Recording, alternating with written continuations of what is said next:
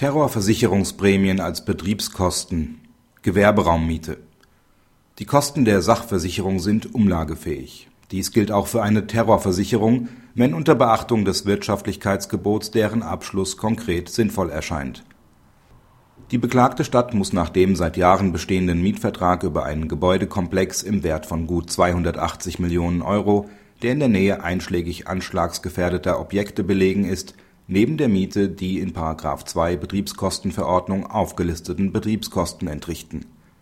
Als der Versicherer nach den Terroranschlägen vom September 2001 das Terrorrisiko aus der bestehenden Gebäudeversicherung herausnimmt, schließt der Vermieter bei dem seinerzeit einzigen Anbieter einer Terrorversicherung einen neuen Vertrag ab.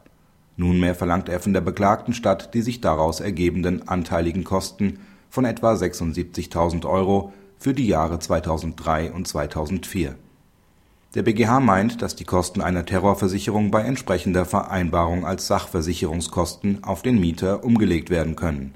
Allerdings setzt dies schon angesichts der hohen Kosten voraus, dass das Wirtschaftlichkeitsgebot eingehalten, also nur dann eine derartige Versicherung abgeschlossen wird, wenn sie ein konkretes Risiko eindeckt. Zwar steht dem Vermieter insoweit ein Ermessensspielraum zu, dieser wird jedoch durch die vertragliche Nebenpflicht zur Rücksichtnahme auf die wirtschaftlichen Interessen des Mieters begrenzt im Einzelfall ist daher der Abschluss eines Terrorversicherungsvertrags zu prüfen.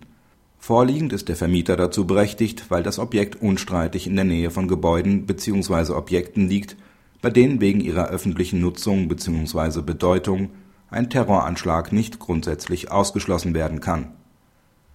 Praxishinweis Die Entscheidung entspricht der herrschenden Meinung bei der Einführung neuer Betriebskosten und bei der Frage, welche Kosten auf den Mieter umgelegt werden dürfen Ebenso wie im Wohnraummietrecht ist daher im Einzelfall zu prüfen, ob eine Gebäudegefährdung durch Terroranschlag möglich erscheint.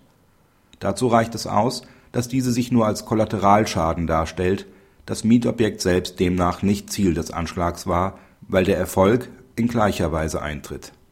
Je größer und näher das gefährdete Objekt ist, desto eher wird man dem Vermieter zubilligen können, eine Terrorversicherung abzuschließen